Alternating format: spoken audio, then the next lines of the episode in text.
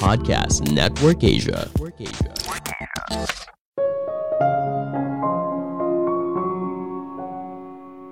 Apa sih gunanya kripto?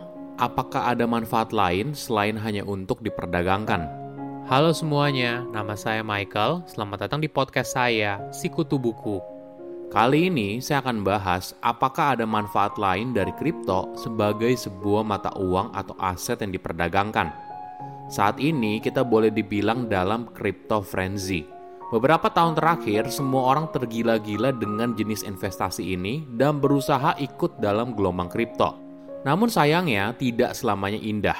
Saat ini kita boleh dibilang sedang mengalami crypto meltdown, di mana mata uang kripto kehilangan nilainya secara signifikan. Para investornya kehilangan tabungan entah karena harganya yang turun drastis atau terjebak dalam penipuan mata uang kripto. Namun di tengah semua krisis yang terjadi dalam dunia kripto, Apakah kamu pernah bertanya, apa manfaat dari kripto? Apakah kripto hanya bisa diperdagangkan saja? Sebelum kita mulai, buat kalian yang mau support podcast ini agar terus berkarya, caranya gampang banget. Kalian cukup klik follow. Dukungan kalian membantu banget supaya kita bisa rutin posting dan bersama-sama belajar di podcast ini.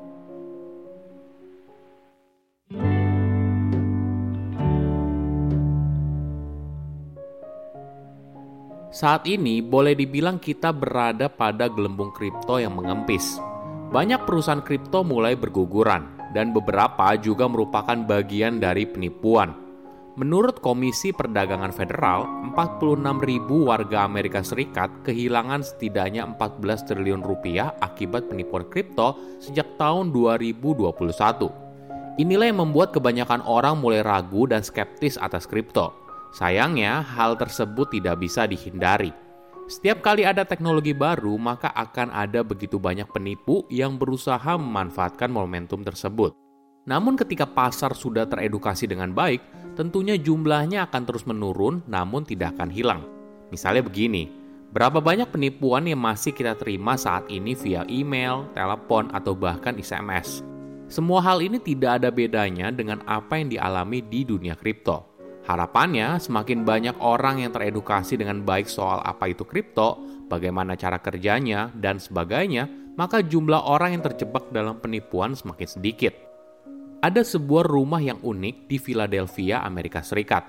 Uniknya, rumah itu dijual beserta dengan mesin tambang kripto. Sebagai informasi, menambang uang kripto adalah aktivitas di mana penambang dengan seperangkat alat memverifikasi transaksi antar uang kripto yang berlangsung.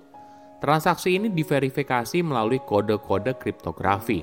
Nah, ketika seseorang menambang kripto, maka orang itu akan diberikan hadiah berupa mata uang kripto yang pada akhirnya bisa ditukar dengan uang sungguhan. Menariknya, mesin untuk menambang kripto di rumah ini berbeda dengan yang biasa kita lihat. Mungkin di bayangan kita berupa sebuah ruangan yang penuh dengan server besar yang berisik dan butuh tenaga listrik dalam jumlah yang besar.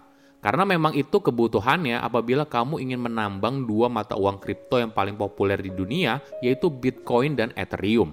Misalnya saja, tahun lalu total aktivitas menambang Bitcoin menggunakan jumlah listrik setara dengan penggunaan listrik di Argentina. Namun, mesin penambang kripto di rumah itu jauh berbeda. Bentuknya hanya seperti hard drive kecil yang ada di lemari dan hanya menggunakan 5 watt listrik, bahkan lebih kecil dari lampu LED.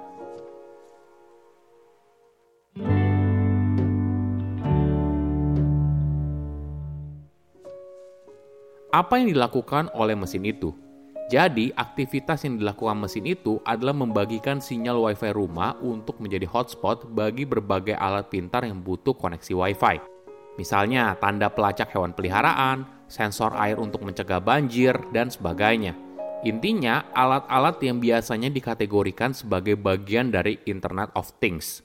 Sebagai balasannya, mesin kecil itu akan mendapatkan helium, mata uang kripto yang bisa kamu tukarkan dengan uang sungguhan. Misalnya dalam sebulan bisa menghasilkan lebih dari satu juta rupiah. Contoh ini memberikan perspektif yang baru soal dunia kripto, khususnya aktivitas menambang kripto. Tidak semuanya sama, ada aktivitas menambang kripto yang menggunakan banyak sekali energi, ada juga yang tidak. Ada aktivitas menambang kripto yang fokus untuk menciptakan dan menjaga mata uang kripto, Tapi ada juga aktivitas menambang kripto yang melakukan hal yang sama sekali berbeda, seperti aktivitas menambang helium. Di tengah kejatuhan kripto dan maraknya penipuan, kita mudah lupa kalau kripto itu bukan hanya sebuah aset atau mata uang yang diperdagangkan, tapi merupakan sebuah teknologi, dan teknologi merupakan jawaban untuk menyelesaikan sebuah masalah. Sekitar 10 tahun yang lalu, dua orang yang mendirikan Helium sedang bermain drone. Namun salah satu drone-nya terbang terlalu jauh di belakang pohon dan berada di luar jangkauan. Lalu kamu akan menghabiskan beberapa jam berikutnya untuk mencari drone yang hilang. Sebagai gambaran, ketika sebuah drone kehilangan koneksi dari kontrolmu, maka kemungkinan besar akan hilang. Ke mana? Nggak ada yang tahu. Masalah yang sederhana tapi bisa menjadi sangat sulit. Solusinya, kamu hanya butuh drone terhubung dengan internet. Ini tidak hanya terjadi pada drone, masih banyak jenis alat lain yang sebenarnya tidak butuh terlalu banyak kuota internet, tapi bisa berfungsi dengan baik. Namun, ketika kedua orang itu berusaha membangun jaringan internet, mereka baru sadar kalau hal ini mustahil. Bahkan bagi provider besar, hal ini membutuhkan biaya yang sangat besar mencapai puluhan triliun rupiah. Mereka lalu mencari solusi lain. Bagaimana bila mendorong orang lain untuk membagikan sedikit sinyal dari WiFi mereka dengan menggunakan antena? Awalnya mereka mencoba menjualnya, tapi tidak berhasil.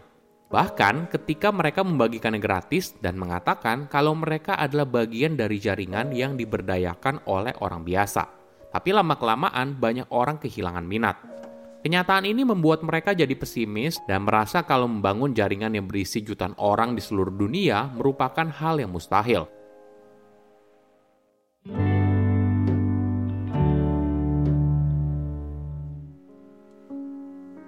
Hingga pada tahun 2017, ketika perusahaan hampir bangkrut, ada secerca harapan.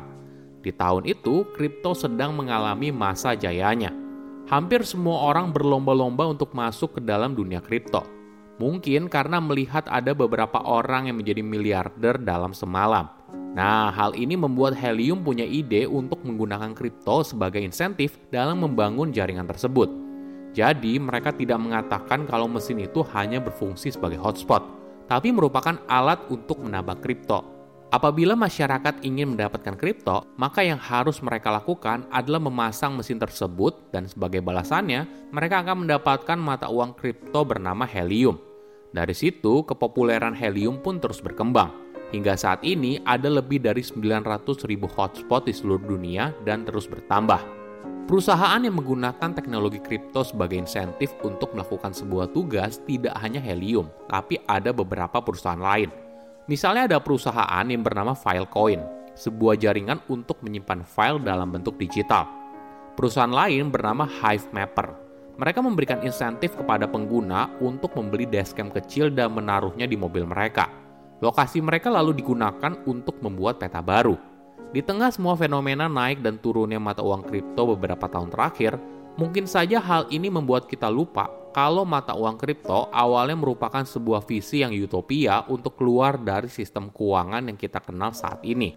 Kita juga tidak mengajukan pertanyaan yang fundamental. Apakah teknologi ini bernilai dan bermanfaat bagi hidup manusia?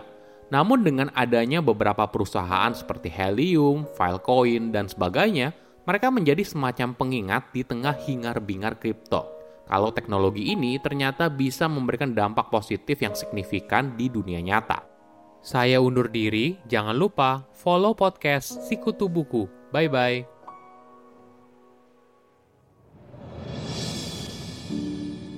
Hai, gimana episode tadi? Semoga bisa menghibur kamu ya. Kalau kamu masih mau dengerin sesuatu yang singkat, tentang rahasia hati, perasaan, hingga berbagai pengalaman yang aku atau kamu juga mungkin pernah mengalaminya. Kamu bisa dengerin podcastku, NKCTRI, bersama aku Yoga. Sampai ketemu di NKCTRI ya.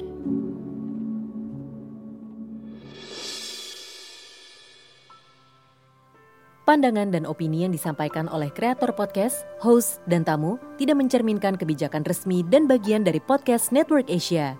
Setiap konten yang disampaikan mereka di dalam podcast adalah opini mereka sendiri dan tidak bermaksud untuk merugikan agama, grup etnik, perkumpulan, organisasi, perusahaan, perorangan, atau siapa pun dan apa pun.